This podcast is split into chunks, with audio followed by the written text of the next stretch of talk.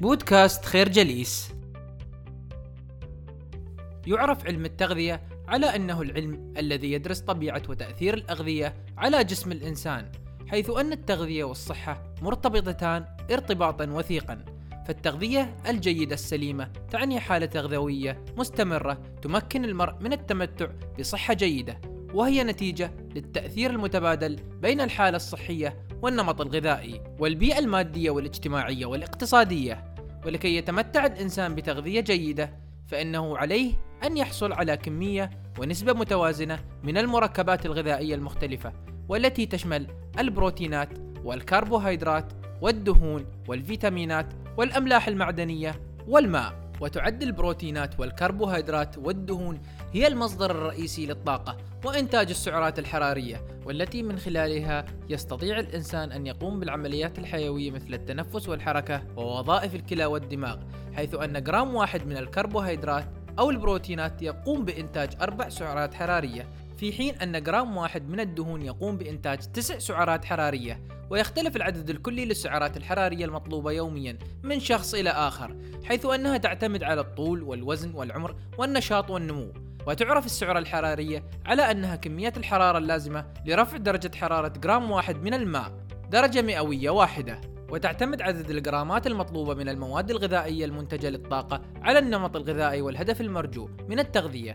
فمثلا إذا كان هناك شخص يحتاج إلى 2200 سعرة حرارية في اليوم ويتبع نظام غذائي يكون فيه نسبة البروتين 40% والكربوهيدرات 30% والدهون 30% فإنه بعملية حسابية بسيطة ستكون عدد الجرامات اليومية التي يحتاجها هذا الشخص هي 220 جرام من البروتينات و165 للكربوهيدرات و73 للدهون. والجدير بالذكر أن للسعرات الحرارية أهمية كبيرة في تحديد زيادة أو إنقاص وزن الإنسان. فمثلا إذا افترضنا أن أحد الأشخاص يحتاج إلى 2000 سعرة حرارية في اليوم فإنه إن تناول أطعمة تنتج أكثر من 2000 سعرة حرارية في اليوم فإن وزنه سيبدأ بالزيادة. في حين أنه إن قام بتناول كمية أقل من الطعام والتي تنتج سعرات حرارية أقل من احتياجه اليومي فإن وزنه سيبدأ بالنقصان. الفكرة علم التغذية هو العلم الذي يدرس طبيعة وتأثير الأغذية على جسم الإنسان. تعتبر البروتينات أحد أهم المواد الغذائية التي يحتاج إليها الإنسان، فإن لها دور رئيسي في بناء وإصلاح وحفظ أنسجة العضلات والخلايا، وبالتالي هي ضرورية للنمو وتكوين كريات الدم الحمراء والبيضاء كما أنها تدخل في تكوين الإنزيمات والهرمونات اللازمة لتنظيم عمليات الجسم الحيوية. إضافة إلى ذلك فهي تساعد في مد الجسم بالطاقة عندما ينضب احتياطي الجسم من الكربوهيدرات والدهون. ويتركب البروتين من جزيئات حاوية على النيتروجين تسمى الأحماض الأمينية حيث أن هذه الأحماض الأمينية ترتبط مع بعضها البعض لتكون أنماطا مختلفة من البروتينات. فمثلا يتكون جزيء الهيموغلوبين من ترابط 287 حمض أميني وهناك حوالي 20 نوع من الأحماض الأمينية منها تسعة أحماض أمينية أساسية لا يمكن أن ينتجها الجسم بنفسه ولا يمكن أن يعمل بدونها.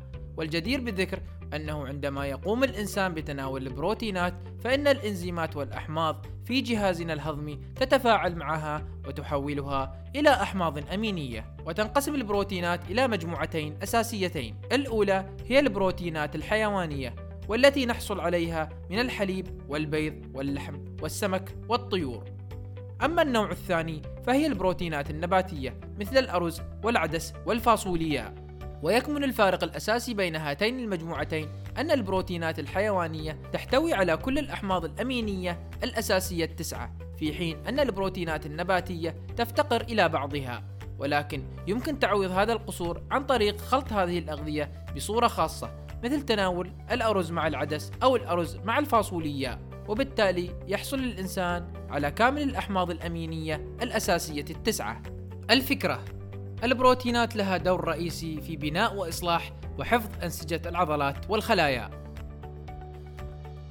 تعد الكربوهيدرات المصدر الرئيسي للطاقة فهي الوقود الأساسي للجسم.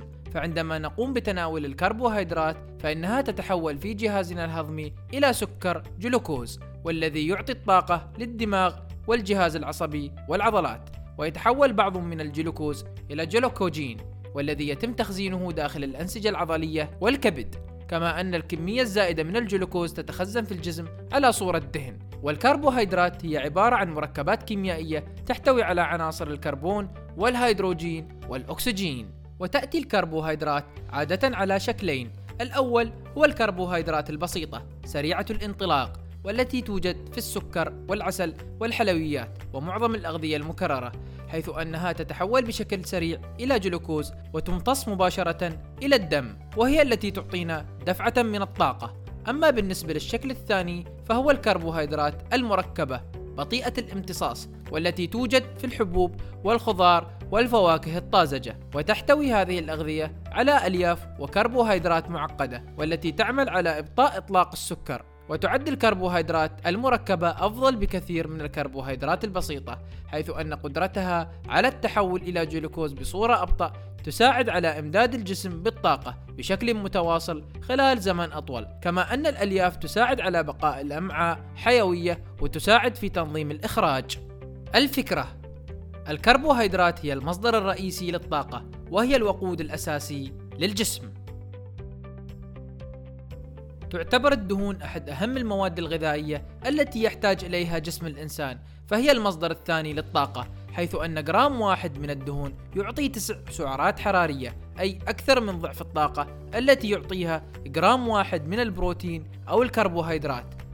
وتلعب الدهون دور رئيسي ومهم في صحة الإنسان إذا تم تناولها بطريقة صحيحة فهي تقلل من احتمالية الإصابة بالسرطان وأمراض القلب والحساسية والتهابات المفاصل والاكتئاب. وهناك نوعين أساسيين من الدهون. النوع الأول هو الدهون المشبعة والتي تكون في حالة صلبة في درجة حرارة الغرفة العادية. ويوجد هذا النوع من الدهون في اللحوم ومشتقات الألبان وبصورة عامة ينصح بالتقليل من تناول الدهون المشبعة. وذلك لأن لها علاقة وثيقة بزيادة مستوى الكوليسترول في الدم وخطر الإصابة بأمراض القلب.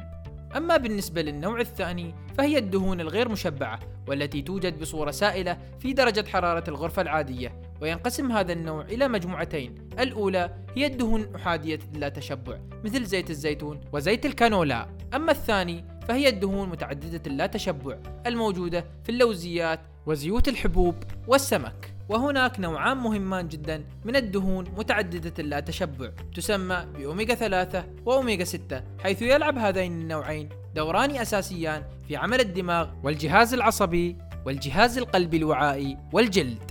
فمثلا تعمل دهون أوميغا 6 على أن تبقي الدم خفيفا مما يمنع التخثر والانسداد. فتريح الأوعية الدموية وتقلل من ضغط الدم كما أنها تساعد في المحافظة على التوازن المائي في الجسم. والجدير بالذكر هنا أن عملية قلي الدهون الغير مشبعة يكون لها أثر سلبي على وجود الدهن. حيث يؤدي القلي إلى تحويل الدهون الغير مشبعة إلى دهون مشبعة متحولة. تسمى هذه العملية بعملية الهدرجة والتي تضيع العديد من الفوائد الغذائية الموجودة في الدهن. الفكرة تلعب الدهون دور رئيسي ومهم في صحة الإنسان إذا تم تناولها بطريقة صحيحة. نشكركم على حسن استماعكم. تابعونا على مواقع التواصل الاجتماعي لخير جليس. كما يسرنا الاستماع لآرائكم واقتراحاتكم ونسعد باشتراككم في البودكاست.